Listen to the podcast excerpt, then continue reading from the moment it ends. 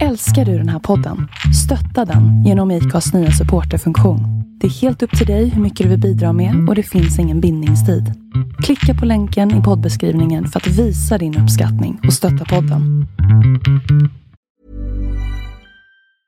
I'm Sandra, and I'm just the professional your small business was looking for. But you didn't hire me because you didn't use LinkedIn jobs. LinkedIn has professionals you can't find anywhere else, including those who aren't actively looking for a new job but might be open to the perfect role, like me. In a given month, over 70% of LinkedIn users don't visit other leading job sites. So if you're not looking on LinkedIn, you'll miss out on great candidates like Sandra. Start hiring professionals like a professional. Post your free job on linkedin.com/people today. Life is full of awesome what ifs, and some not so much, like unexpected medical costs. That's why United Healthcare provides Health Protector Guard fixed indemnity insurance plans to supplement your primary plan and help manage out of pocket costs. Learn more at uh1.com. Ryan Reynolds here from Mint Mobile. With the price of just about everything going up during inflation, we thought we'd bring our prices down. So to help us, we brought in a reverse auctioneer, which is apparently a thing. Mint Mobile unlimited premium wireless. Have to get 30, 30, bit to get 30, bit to get 20, 20, 20, bit to get 20, 20, bit to get 15, 15, 15, 15 just 15 bucks a month. So, Give it a try at mintmobile.com slash switch. $45 upfront for three months plus taxes and fees. Promo rate for new customers for limited time. Unlimited more than 40 gigabytes per month. Slows. Full terms at mintmobile.com. Hej och välkomna till denna veckas avsnitt av två låtar och en kändis som denna gång stolt kan presentera en av världens bästa basister. Jag har själv upplevt denna basist på nära håll då vi spelade fotboll tillsammans en gång i tiden och där han i halvlek spelade Ack Värmland du sköna i ett helt fantastiskt bassolo till publikens stora jubel. Så jag säger varmt välkommen till Magnus Rosén. Jag tackar och bugar. Hur står det till med Magnus Rosén idag? Ja, eh, idag är ju världen eh, lite upp och ner i denna covid-19 historia. Eh, jag var i Kina när det här utbrottet ägde rum så att säga. Och det kanske man kommer tillbaka till lite senare, inte vet jag. Men eh, eh, som kultur och kult, kulturarbetare och musiker så eh, får man börja tänka i nya banor. Och det kan ju vara både kreativt och eh, nya vägar kan öppna sig för att eh, de flesta konserter och eh, föreläsningar med mera är ju inställda. Mm. För mig och för många andra i kulturbranschen. Ja, det är rätt tuffa tider nu, det får man säga. Nu sitter vi här hos Nina på Coronet kontorshotell och eh, har en trevlig stund framför oss som jag tänkte att jag ska inleda med och ja det har ju du redan förstått såklart men den här podden den handlar ju till stor del om just ämnet musik. Ja, yes, yes. Och eh, jag tänker att när jag lärde känna dig Magnus och vi skulle träffas första gången då, fick, då, visste jag ju att du hade varit basist i Hammerfall och heavy metal. Det visste jag ju vad det var för något också. Och jag visste att de där hårdrockarna de kan ju alltså vara rätt tuffa killar. Som slänger ut tv-apparater från hotellrum och allt vad de håller på med. Super och knarkar och slåss och lever rövare. Ja, jag ska inte dra alla över en kam. Men när jag möter dig så får jag ju precis den raka motsatsen av bild till mig. Ja, eh, så är det. Eh, eh, Rockimagen är, den ser många gånger ganska farlig och vild ut och eh, det är ju ett, ett sätt att förmedla också eh, tycker jag, positiv energi. Eh, det finns destruktiv energi också, men eh, för min del är det positiv energi. Och det gör man ju kraftfullt på en scen med de här eh, kläderna och nitbälten och läderbyxor och, och sådana saker. Många gånger när vi var ute med, med, med Hammerfall-bandet och skrev autografer efteråt, liksom, för det är viktigt att behandla publiken på ett fint sätt, för utan publik så blir det ju ingen konsert. Nej. Och, och då var det många som sa att eh, men, men är det du? Ja men du är ju jättesnäll.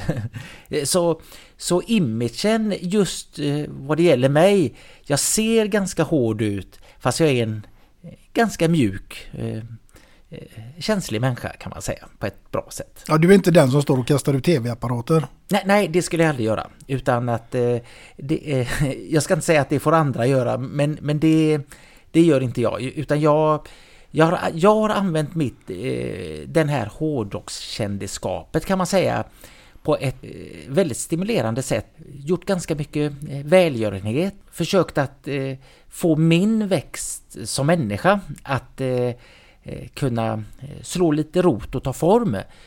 Och det har bland annat ägt rum i Sydamerika där jag gjorde solbaskonserter och i entré kostade två kilo mat att gå in. Och jag tog kontakt med hjälporganisationer så jag fick följa med in i gettorna och lämna över den här maten. Och, och när jag stod där längst in i, i, i gettorna och tittade de här människorna i ögonen då förstod jag ju att det kunde ju lika gärna varit jag själv som skulle bli, blivit född eh, eller kunnat bli född med sådana svåra förutsättningar. Så att, eh, att livet är orättvist, det är ju en sak som är helt säker. Eh, och så får man försöka göra det så rättvist och jämlikt som möjligt. Men det är ingen självklarhet. De här turnéerna eh, använder jag ju mm, mina egna pengar för flygbiljett och, hotell och sånt. Så att, eh, och så vill jag eh, använda det lilla jag tjänade extra. Att också berika mitt eget liv och upptäcka världen och försöka gnugga blindheten ur ögonen helt enkelt. Och detta är ju inte det som hårdrocksimagen har på första paket de här grejerna. Men jag tyckte att det var eh, stimulerande och jag tycker det fortfarande och jobbar fortfarande vidare med stå upp för utsatta människor och så. Mm. Du är en fantastisk eh, egenskap hos dig Magnus och eh, också en stor anledning till att du är en av mina favoritgäster att ha med här i podden. Du, jag tänker att eh, eftersom podden handlar då om musik så måste jag ju fråga dig, vad är egentligen ditt absolut första minne till musik som du kan härleda till från tidig ålder? Ja, det är ju intressant att eh, få lov att tänka tillbaka så, så långt, så långt som man kan. Jag vill ju, jag tror ju att, eh, jag, jag tror att, eh, att det landar nog i Astrid Lindgrens värld, tror jag. Mm. Eh, och en bland favoriterna, de riktigt stora favoriterna var ju Pippi Långstrump. Pippi Långstrump, tjolahopp, tjolahej, tjolahopp, Där bor ju Pippi Långstrump, ja där bor faktiskt jag. Eh, och eh, jag har aldrig skrivit massa idol eh, eller fanbrev till eh, folk men det gjorde jag när jag var, jag fick ju hjälp av mina föräldrar. men så henne henne skrev jag till. Eh, och då var det nog Pippi Långstrump som eh, då Jan Johansson eh, har skrivit. Johansson är ju en, en man kan säga en jazz, jazzlegendar och på senare år så fick jag nöjet att spela med hans son som heter Anders Johansson som också spelade trummor i Hammerfall-bandet. Så att, ja men det är nog Pippi Långstrump. Ja, ett härligt minne ändå. Ja, det är underbart. Det är fantastiskt hon eh, klarade, hon klarade ju av att göra det som hon önskade och hade mycket kraft. Och eh, det är väl så som man själv också har försökt genom livet att använda sin lust som en enorm kraft mm. och sin nyfikenhet. Så att eh, lite av hennes historier har ju satt sig någonstans i, i ryggraden kan man mm. säga. Mm. När blev du Magnus egentligen ett med eh, basen? Eh, det, det, började ju i grundskolan. Eh, vi var några kompisar som eh, vi lyssnade mycket på rockmusik. Och, Vad lyssnade ni på då? Ja, det var den första rocklåten som jag kommer ihåg som var mer hårdrockslåt. Det var Iron Man med Black Sabbath.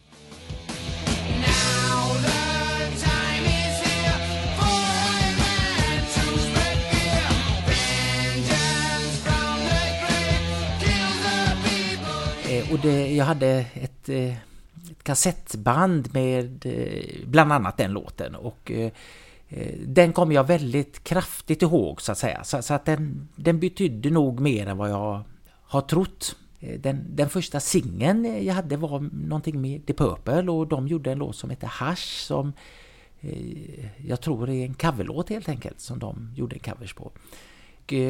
Det är också ett starkt minne när man sätter på de här gamla vinylskivorna och det knastrar och sprakar och så kommer den ljuvliga musiken fram mellan det här sprakandet. Så att, var det då du stod och spelade luftgitarr liksom framför spegeln? Det började ju sakta men säkert en önskan i och med att jag tyckte om detta mycket och jag tyckte att hårdrocken var kraftfull och eh, som alla ungdomar beroende på när man är född så hittar man ju en musikstil som symboliserar ju eller symboliserar att man ska ställa sig upp och göra e- en fin revolt mot vuxenvärlden. Nu är det så mycket revolter som är eh, våldsamma och aggressiva, eh, så det vill jag inte förknippas med när jag säger revolt mot vuxenvärlden, utan man, eh, man ska växa upp och det gör man med kraft av eh, någon musikstil. Det, för vissa var det punken, andra var det Elvis Presley med 50-talsrocken och så vidare. Så när jag var eh, ungefär kanske 13-14 år, då var ju önskan stor att försöka att eh, börja spela. Så då bestämde vi oss, eh, jag och mina kompisar, att vi skulle bilda ett band.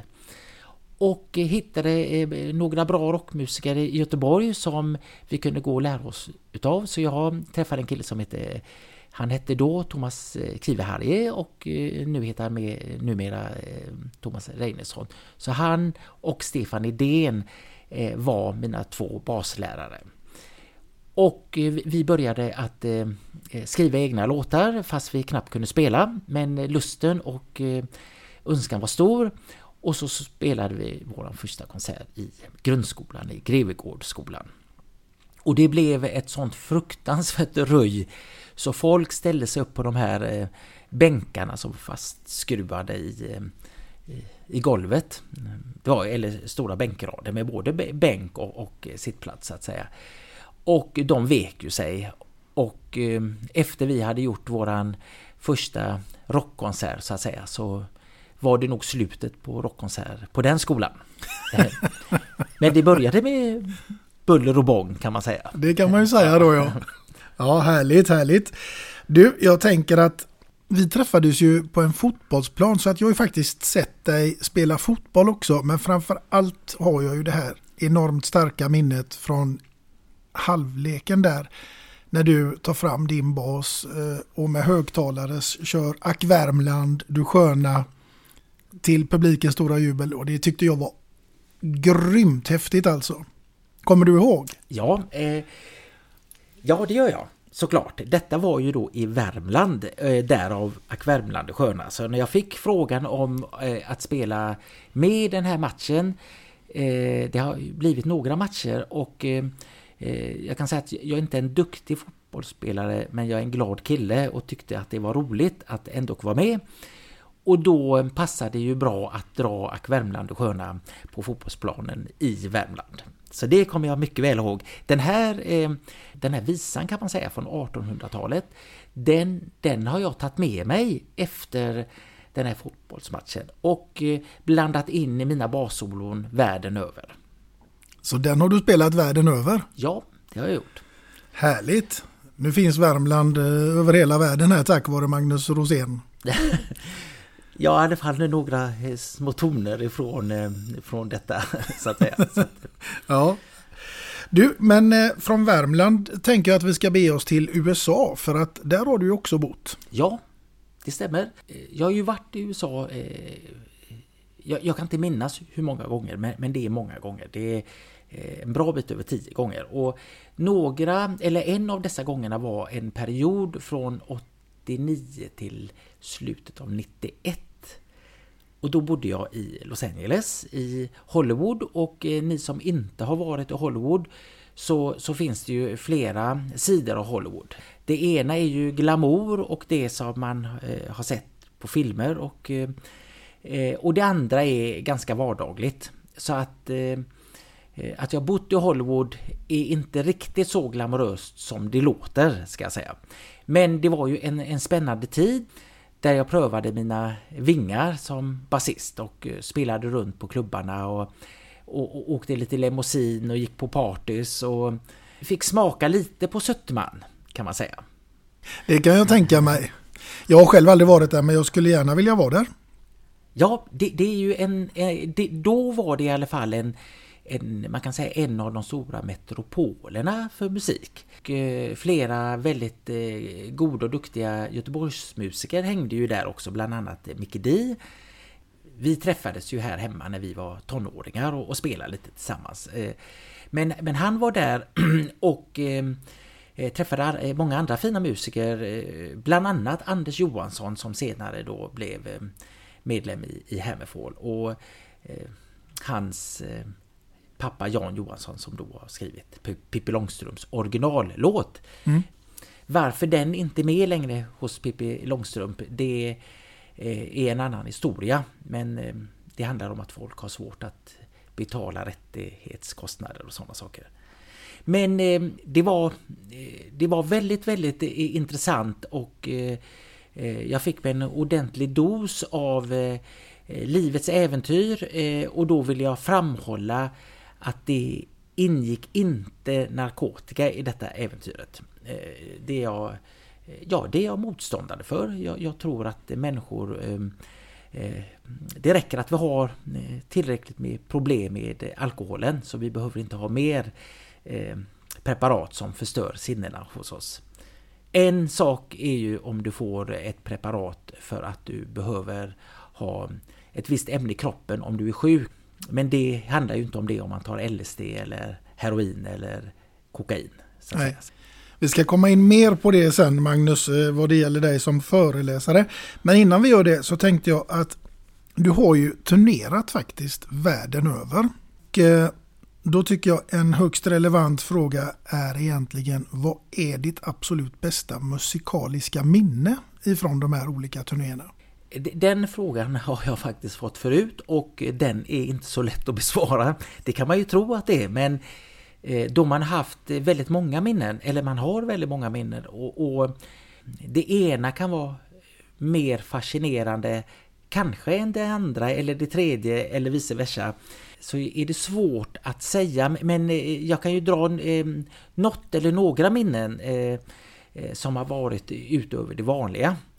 Och eh, bland annat eh, när vi har spelat i Bolivia, eh, som till exempel La Paz. Det här är världens högst belägna huvudstad som ligger på 4200 meters höjd.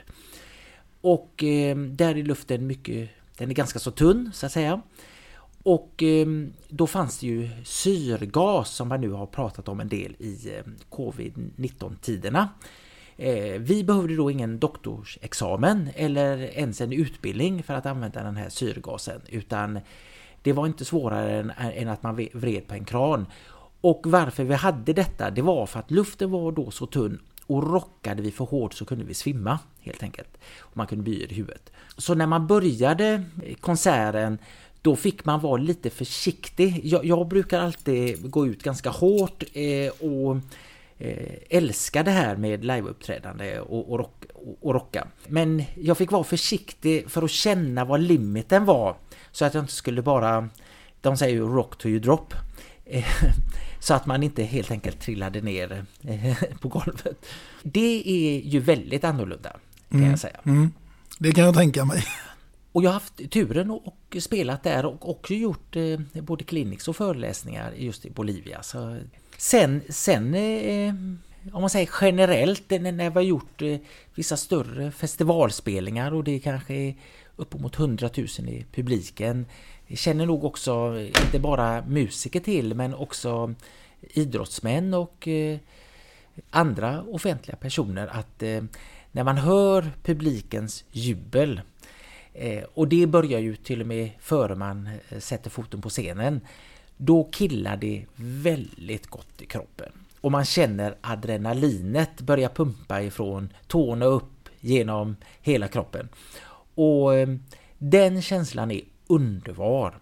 Och är man gott förberedd som man eh, bör vara då, då finns det ingen nervositetskänsla i detta utan att man, man vill kasta sig upp på scenen och krama hela publiken, vilket inte går, men i känslorna så går det. Så mm, det är, det är väldigt starkt och det är väldigt, eh, eh, väldigt få, ja, det är få förunnat att få lov att känna eh, eh, en sån otrolig respons. Det som händer i mig, som jag sa, eh, när jag står inför en publik, även om det är ett par stycken i publiken, då känner jag kärlek till publiken. Och det är ju inget som jag bestämt mig för att göra utan det är det som sker eh, när jag ställer mig framför människor. Det är underbart att man känner att man har en kärlekskänsla. Och den kan yttra sig på olika sätt på en scen beroende på också vad det är för musikstil som man spelar. Mm. Vad, är den, vad är den högsta publiksiffran du har spelat inför? Det är nog ungefär 100 000 i publiken och 150 miljoner tv-tittare. Och eh, det har jag gjort med symfoniorkester där jag har varit eh, så att säga soloartisten med mitt basspel. Eh, det har, eh, jag har också gjort eh, detta med, med eh, heavy metal, den här storleksordningen. Och ehm, faktiskt i, i både Irak och också Bangladesh så har jag haft eh, eh, näst inpå sån stor tv-publik som upp till 100 miljoner tv-tittare. Det är inte så dåligt för en basist menar jag som eh, är många gånger en bakgrundsfigur. Nej, verkligen inte. Du, jag tänker Magnus att vi ska faktiskt börja närma oss ditt första låtval som jag är extremt nyfiken på vad du har valt. Men det ska du få berätta här nu tänkte jag. Ja, jag har ju faktiskt, faktiskt inte avslöjat detta. Nej. Eh, så att eh, jag, jag ägnade tid och funderade vad för låtar ska det vara. Var det svårt? Ja, det var det. För att jag hade olika infallsvinklar på det hela. Eh, så jag var, jag googlade runt och jag funderade och eh, då fick jag ju fram en låt som jag har lyssnat på många gånger och jag har också spelat den. Eh, den här låten görs, den som jag, just den versionen jag har önskat, görs på ett väldigt annorlunda och speciellt sätt.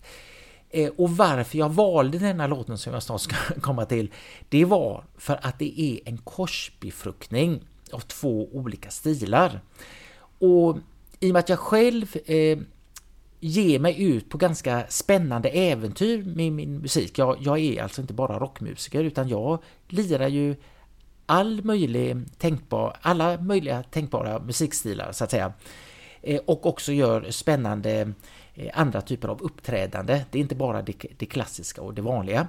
Eh, då tyckte jag att den här passade bra.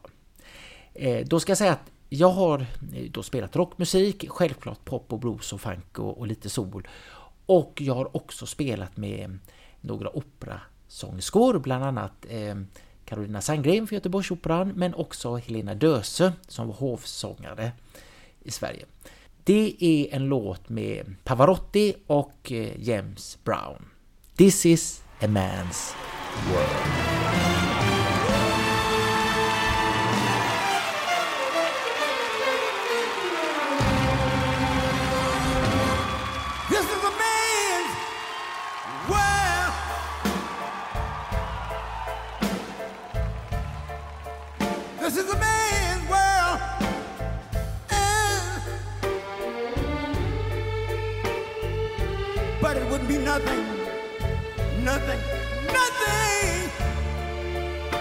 Without a woman or a girl.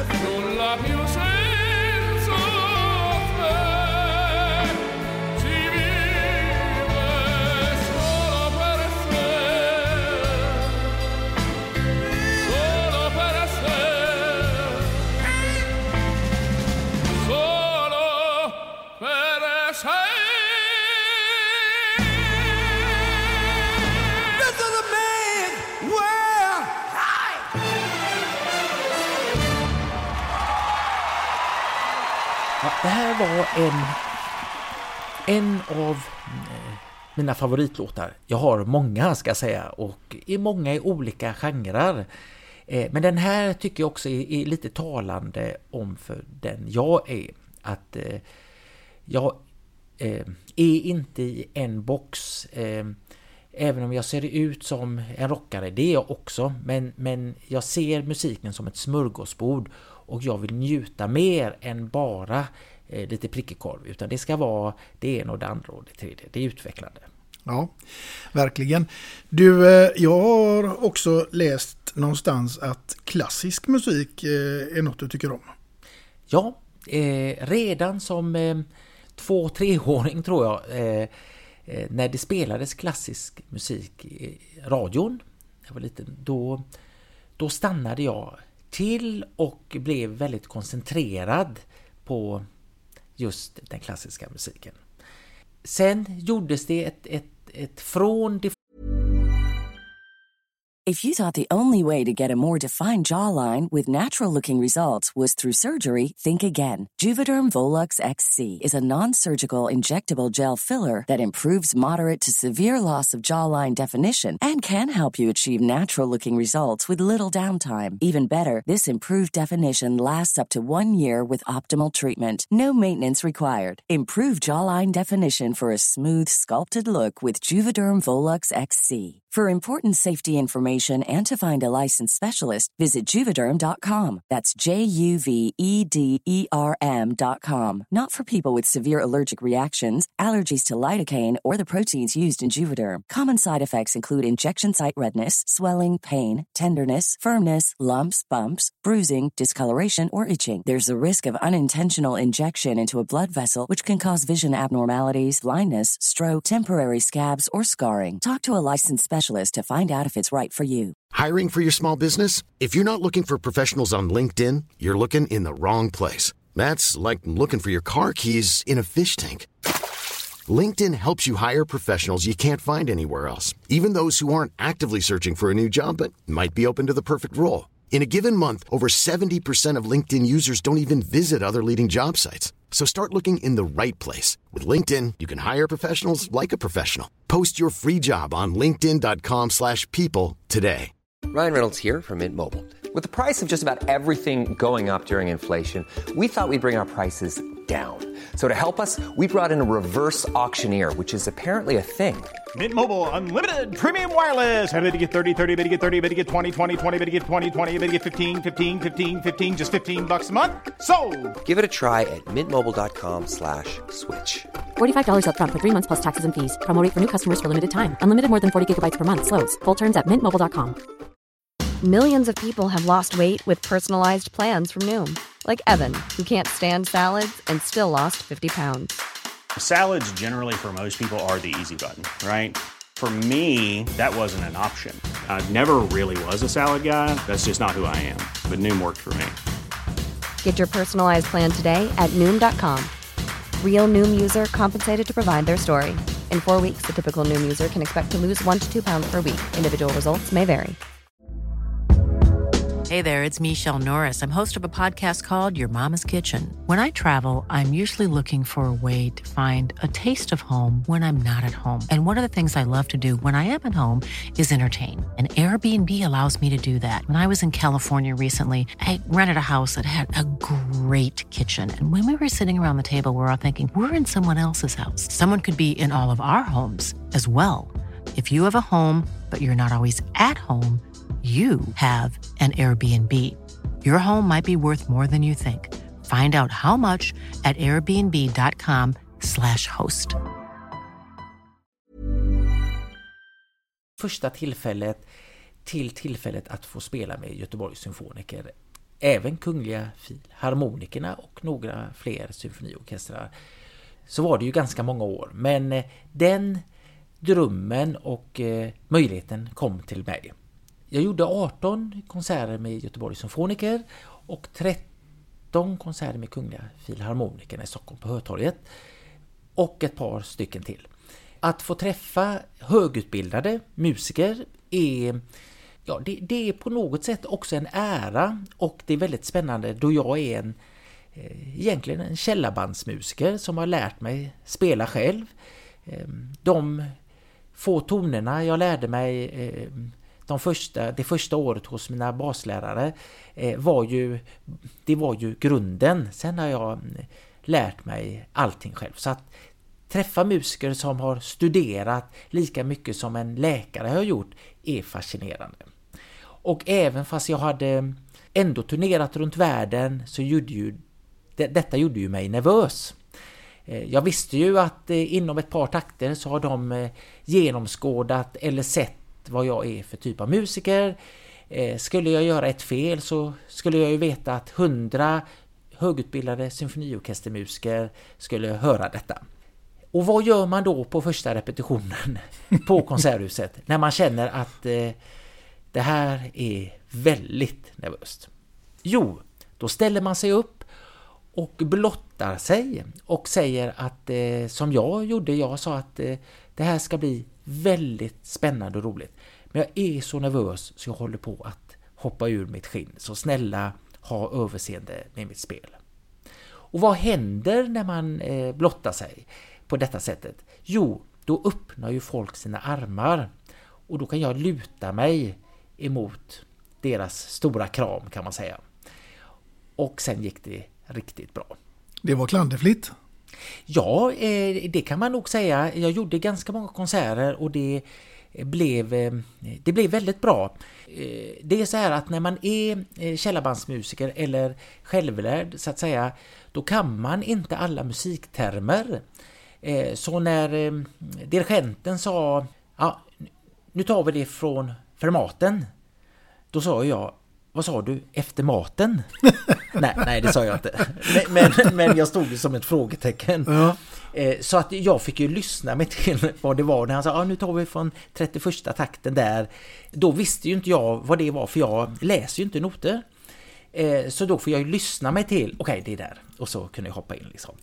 Eh, på konserterna då hade man ju allting färdigt och vi hade gjort två repetitioner för dessa konserterna. Så att korta repetitioner men det gick väldigt bra. Mm. Nu tänker jag Magnus att eh, om du är hemma hos dig och så lyssnar, radion är på rättare sagt. Vilken typ av låt eller musik skulle få dig att gå fram och bara rätt och slätt stänga av radion där du tänker nej, det här går bort? Det var en intressant fråga. Det blir ju också blottande. Eh, ja, om man säger så här, jag, jag har försökt att eh, eh, se tjusningen i även det som jag kanske inte tycker bäst om. Jag, jag eh, riktigt, om man säger riktigt, riktigt hård heavy metal som death metal och speed metal, den typen av, av, av musik ligger mig inte närmast hjärtat. Eh, Eh, när jag har sett dessa band, den typen av band, när, när vi varit ute och spelat med vårat power metal band eller liknande, så jag har försökt att se vad är det som folk tycker så mycket om i detta. Och jag kan förstå att man kan tycka om kraften i det, för det är en, en faslig kraft. Och det kan, det kan jag tycka om. Men inte att lyssna när jag är hemma på radion. Då är det faktiskt mer, eh, eh mer lugnt och soft som jag lyssnar på. Om jag skulle sätta på radion. Mm. Ja, framförallt om du, du skulle stänga av den. Ja, eh, och då eh, om jag skulle stänga av den, då hade det nog varit den om man säger, den hårdaste och grövsta delen av just heavy metal. Eh, det innebär ju att, eh, inte att jag inte tycker om heavy metal, för det gör jag verkligen. Men, men sen finns det så många grenar i detta när det till slut bara blir en hastighet och eh, ett vrålande. Det är jag inget fan av. Nej, då vet vi, nu vet vi vad som får Magnus att stänga av radion. Men eh, vi ska naturligtvis också vända egentligen lite granna på steken. För nu kommer en annan sån här liten klurig fråga. Och det är att vi ska leka lite med fantasin. För nu ska du få droppa iväg till en helt öde ö Magnus. Och du får bara ta med dig en enda CD-platta och ingen bas. Vilken CD-platta blir detta? Ja, vilken CD-platta blir detta? Med min CD-spelare som jag haft med mig i fickan på den öde så hade jag... Ja, det fanns en helt enkelt. Eh, då hade jag... jag... jag... kan tänka mig någonting med Queen.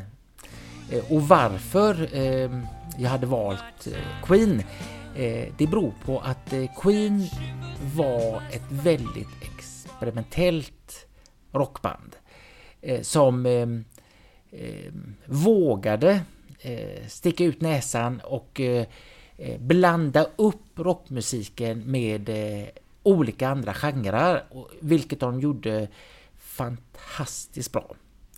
Eh, att de fick ihop detta är ju en stor eloge. Så den mångfalden Queen hade, den skulle jag vilja ha med mig. Det låter som ett bra val tycker jag. Ja, tackar. Verkligen. Eh, du, jag tänker att vi ska faktiskt gå vidare ytterligare lite granna där i den här eh, fantasivärlden. För om det var så att du satt här nu och så hade du den här podden Magnus. Vem hade du helst haft som gäst vid andra sidan bordet?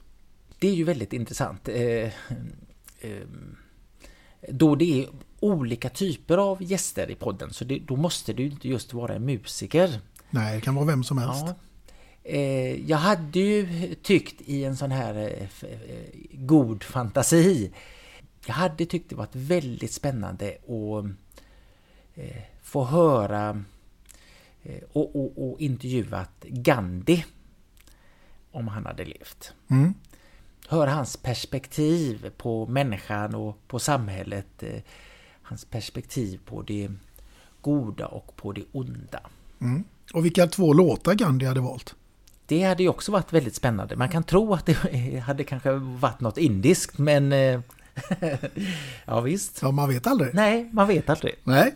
Du, jag tänker också Hammerfall som sagt var. Är det där du blev så att säga Magnus Rosén för den breda publiken skulle du säga? Eller när blev du det? Eh, det vill jag nog säga att det var med Hammerfall. Jag hade ju eh, eh, spelat i ganska många år innan och hade varit ute och spelat runt Sveriges folkparker när jag var 17-18 år med Kung Sune. Ehm, det var ju mer Elvis Presley och sånt och detta gav mig ju blodad tand att välja musikvägen i livet så att säga. Och jag hade ju bott i USA i flera år och lirat. Eh, jag hade varit eh, ganska mycket nere i Frankrike och spelat med både franska artister och franska band. Spelat in med eh, Jörg Fischer från Accept och också Anders Johansson som då förr om åren spelade med Yngve Malmsten bland annat. När han var som störst. Så jag hade gjort ganska mycket innan men det var ju med Hammerfallbandet som genombrottet kom. Det får mm. jag säga. Mm. Och nu har du gjort hur många album då som är eh, solo? Eh, soloalbum är runt 10. Eh, man kan tycka att det, det borde jag ju kunna säga exakt men det är några album där också, några meditationsalbum som jag kanske inte riktigt kan räkna som mina soloalbum fast det är min solbasmusik så att säga. Så runt 10 album varav det nyaste albumet eh, spelas in som heter The World and Times. Och det här albumet kommer bli något eh, helt utanför det vanliga. Och hur, hur, mer jag jobbar på albumet, hur mer stolt känner jag över detta. Och det är inte så vanligt att, eh, att man kan säga det med eh, en, en, god självsäkerhet, utan man kan vara ganska osäker. Eh, blir det bra eller blir det halvbra? Eller man gör sitt bästa men man är lite osäker. Men i detta fallet så, så känner jag att det här kommer ju bli en smocka. En kioskvältare? Det, det vågar jag inte säga, men eh, hur reaktionen kommer bli. Men det är i alla fall en smocka från mitt, eh, från mig och den typen av musiker som jag är. Den är crossover såklart. Det är, innefattar polka med hårdrocksgitarrer och eh, eh heavy metal basist med mera. Det tar sig via visan och där finns faktiskt Ack Värmeland och Sköna på ett sätt som ingen någonsin har hört förut. Det går vidare till ganska extrem fusion-funk med inlägg av riff från Michael Jackson. Eh, det finns eh, inlägg från Bon Jovi, från AC/DC och lite andra kända artister. Så att den här skivan finns det hela tiden spår av olika små förgreningar av musik som jag älskar uppblandat i min egen annorlunda musik. Härligt! Väldigt härligt! Ja, det ser vi fram emot. Ja. Du, nu tänker jag faktiskt också lite granna Magnus att eh, vi ska leda oss in på ditt andra låtval som jag är minst lika nyfiken på. Ja, i och med att jag är ganska öppen så tror jag att några goda lyssnare har listat ut vad det kommer bli. Mm -hmm. Och eh, jag vill presentera det så här utifrån mitt perspektiv att folk som står för fred, för kärlek, icke-hatande människor som tror på en eh, hållbar framtid i ljusets tecken. Vi är detta som titeln heter. Och det We är... are the champions med Queen.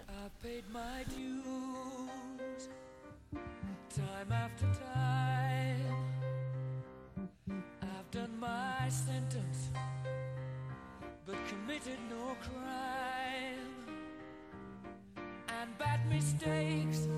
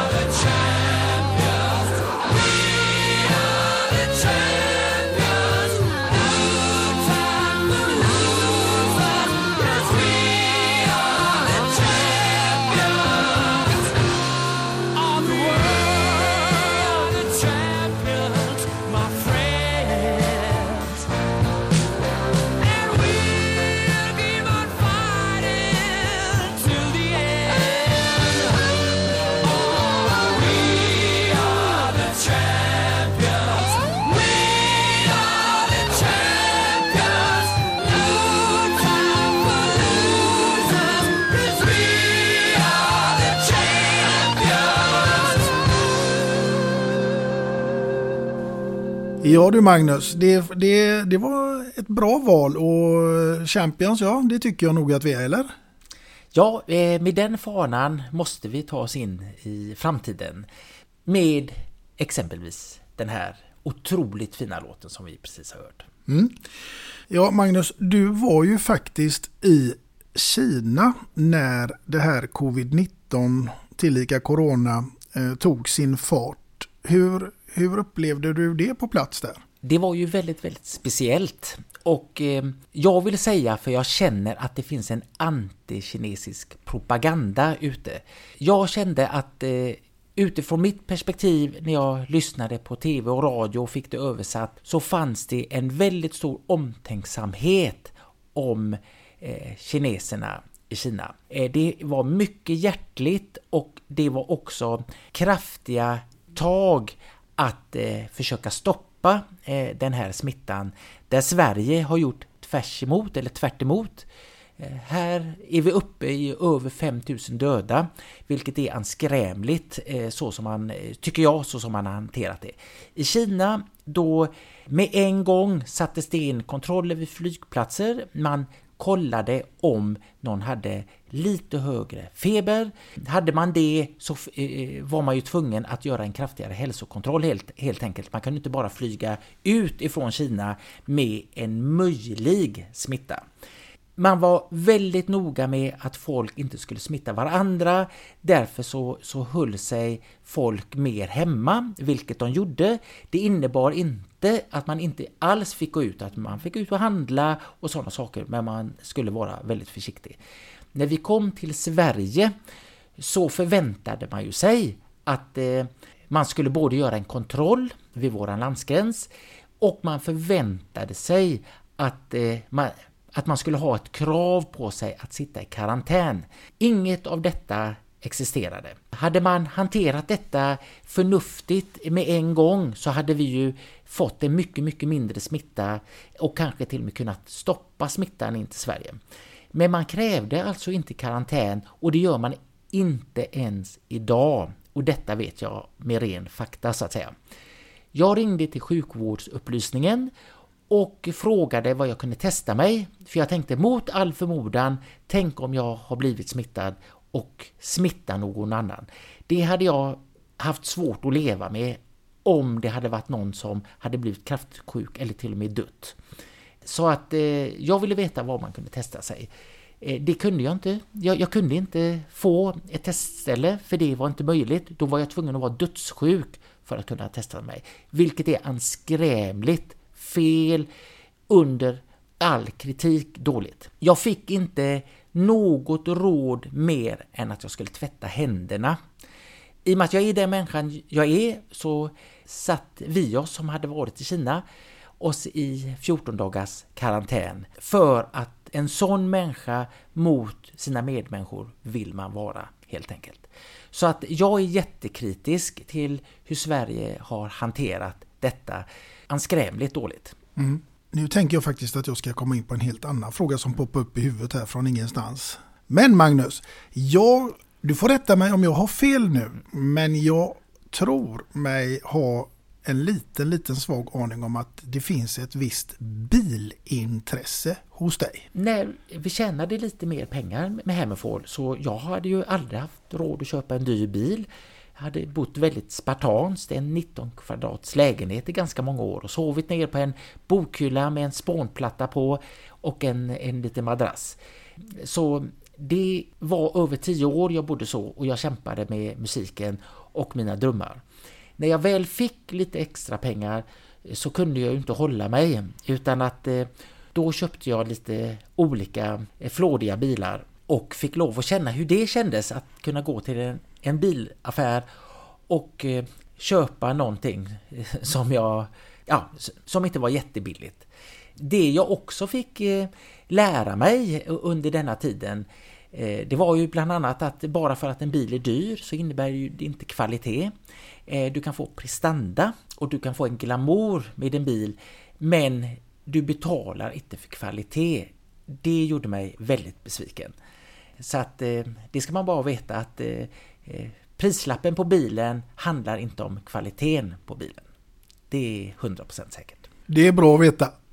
Då kan jag säga så här att eh, Bentleyn är ju, är, är, är ju en lyxbil. Eh, jag har ju en gammal Bentley så att eh, då är det ju inte sådana priser. Det som är fascinerande på en, en sån här riktig lyxbil det är ju att till och med skruvarna är rostfria. Kvaliteten är, är väldigt god får jag lov att säga. Så att även fast den är 40 år gammal så startar den efter vintern på bara ett par sekunder och den går som en klocka och eh, också köregenskaperna är, är otroligt sköna om man inte är en racerbilfantast vill säga.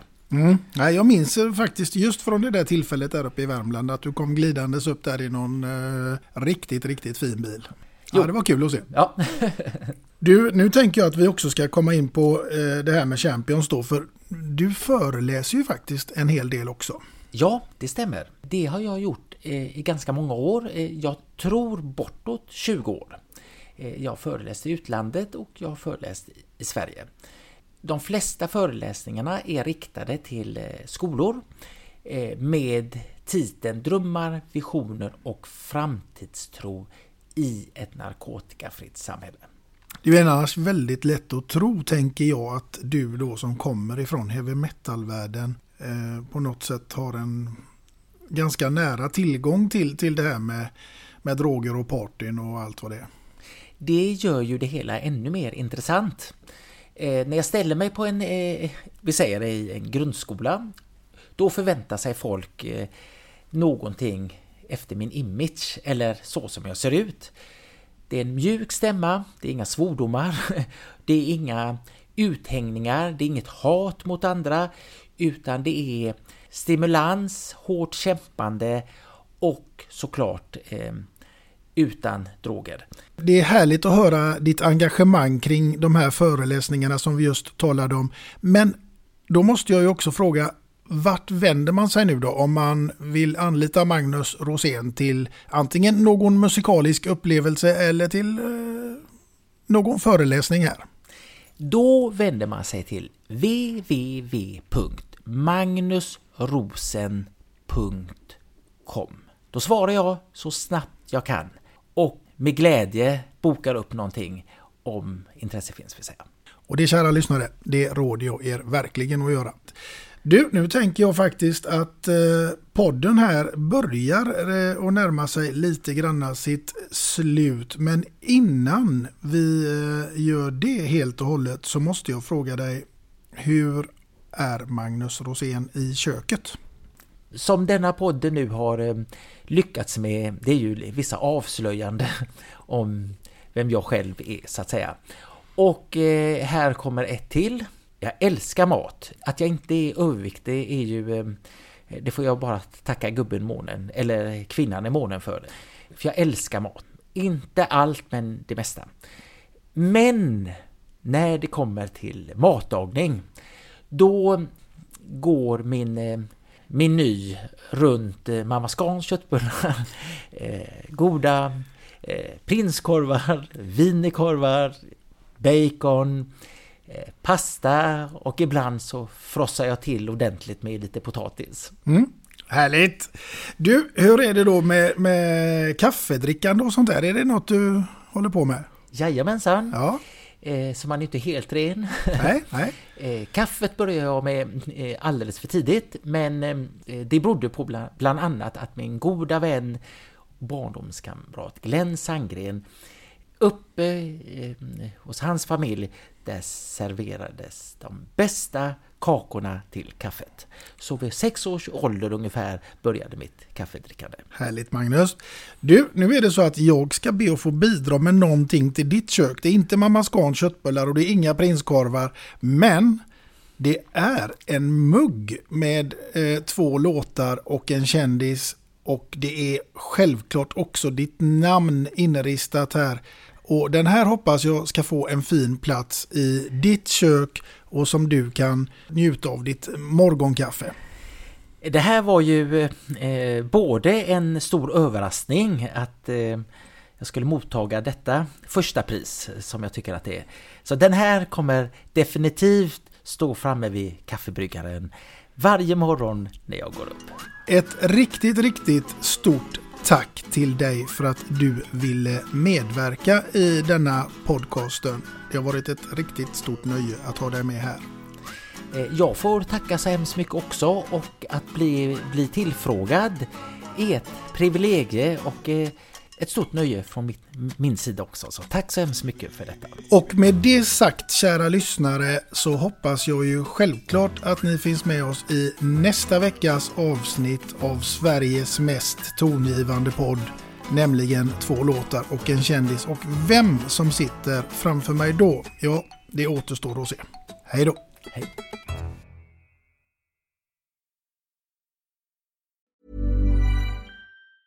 Hey, it's Paige DeSorbo from Giggly Squad. High quality fashion without the price tag. Say hello to Quince. I'm snagging high-end essentials like cozy cashmere sweaters, sleek leather jackets, fine jewelry, and so much more. With Quince being 50 to 80% less than similar brands. And they partner with factories that prioritize safe, ethical, and responsible manufacturing. I love that. Luxury quality within reach. Go to quince.com slash style to get free shipping and 365 day returns on your next order. Quince.com slash style. Even when we're on a budget, we still deserve nice things. Quince is a place to scoop up stunning high-end goods for 50 to 80% less than similar brands. They have buttery soft cashmere sweaters starting at $50, luxurious Italian leather bags, and so much more. Plus, Quince only works with factories that use safe, ethical, and responsible manufacturing. Get the high-end goods you'll love without the high price tag with Quince. Go to quince.com slash style for free shipping and 365-day returns.